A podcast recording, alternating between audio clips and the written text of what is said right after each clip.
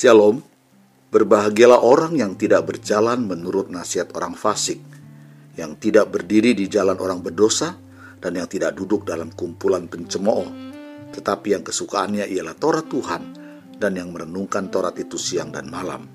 Selamat mendengarkan firman-Nya, Tuhan Yesus memberkati.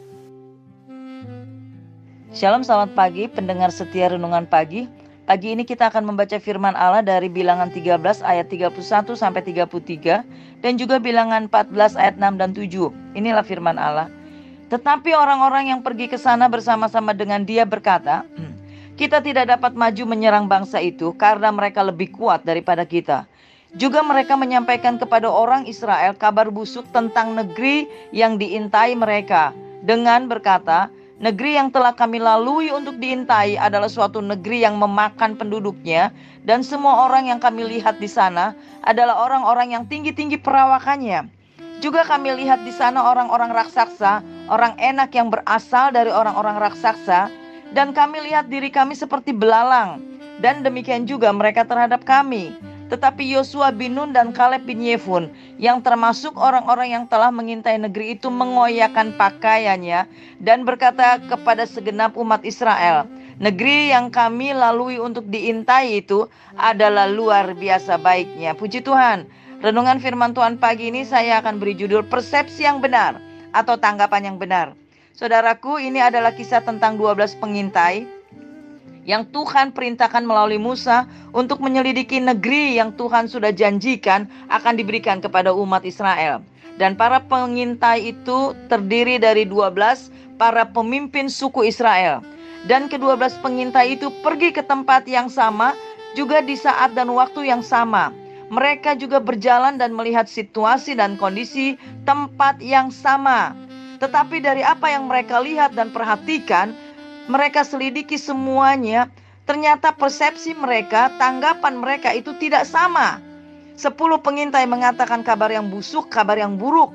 Tetapi dua pengintai lainnya mengatakan sungguh luar biasa baiknya kota yang mereka selidiki. Benar-benar kisah ini memberikan pelajaran yang sangat berarti dan penting bagi kita sebagai orang percaya. Saudaraku sebenarnya bukan hati dan pikiran kita saja yang perlu kita jaga dan perhatikan dengan benar Panca indera kita pun sebenarnya harus kita jaga, harus kita perhatikan, dan harus kita gunakan dengan benar. Dan dalam kisah ini panca indera mata kita, mulut, itu punya peranan yang sangat penting. Jika digunakan dengan tepat dan benar, maka akan menghasilkan tanggapan yang benar.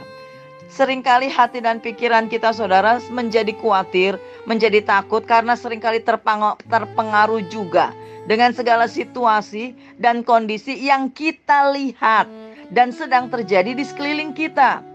Situasi yang sulit dan rumit, kondisi yang memprihatinkan, kondisi sekarang yang gak pasti, itu juga sering kali membuat kita sadar atau tidak sadar mengeluarkan kata-kata negatif, kata-kata pesimis, kata-kata dari seorang penakut yang ragu akan kemampuan Allahnya yang besar.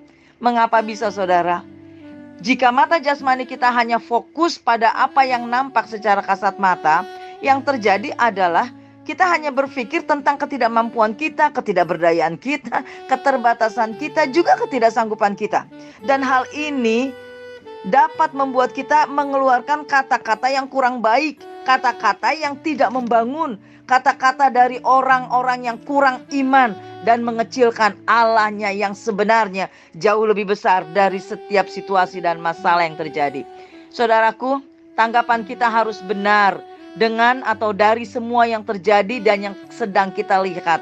Bagaimana caranya? Mari kita perlu ubah cara pandang kita, ubah fokus kita juga perkataan kita. Sebagai orang-orang percaya, kita perlu menyikapi segala yang kita lihat dengan pandangan yang benar Berbeda dari kebanyakan orang-orang yang tidak mengenal Allah. Saudara dan saya adalah orang-orang yang mengenal Allah.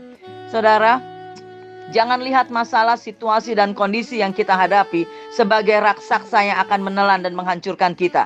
Tetapi lihatlah kesulitan dan masalah yang kita hadapi sebagai kesempatan dan peluang untuk kita melihat keajaiban-keajaiban apa lagi yang akan Allah lakukan untuk kita. Bisa jadi bisa jadi situasi yang gak enak dan membingungkan ini adalah salah satu cara saja yang Allah pakai karena dia rindu ingin dekat dengan kita. Allah mau kita lebih mendekat, lebih berserah, lebih mengandalkan Dia karena Ia mau menyatakan lagi kebesarannya bagi kita. Saudara, lihatlah Tuhan kita jauh lebih besar dari diri kita, dari segala persoalan dan dari situasi atau kondisi yang sedang terjadi. Dia akan memampukan kita menjalani dan mengatasi segala hal. Mari katakanlah, tidak ada raksasa persoalan, tidak ada raksasa masalah dan kesulitan apa pun yang akan menelan dan menghancurkan rumah tangga kita, kota kita, gereja kita, usaha kita, pelayanan kita, bahkan negeri di mana kita ada. Selama pandangan kita tertuju pada Dia yang Maha Besar, maka tanggapan atau persepsi kita terhadap apa pun pasti benar adanya. Saudaraku, mari kita katakan kita punya Tuhan yang besar, kita punya Tuhan yang hebat, yang dahsyat, yang ajaib. Kita punya Tuhan yang tidak terkalahkan, yang selalu setia pada pada kita, yang sudah berjanji dan ia pasti menggenapinya. Haleluya. Tuhan Yesus memberkati kita semuanya. Amin. Puji Tuhan, saudara yang dikasih Tuhan, saya percaya firman Tuhan menjadi berkat dan kekuatan buat saudara semua dan Roh Kudus akan memberikan pemahaman yang lebih dalam tentang kebenaran firman Tuhan. Tuhan Yesus memberkati saudara semua. Sampai jumpa dalam renungan yang berikutnya. Haleluya!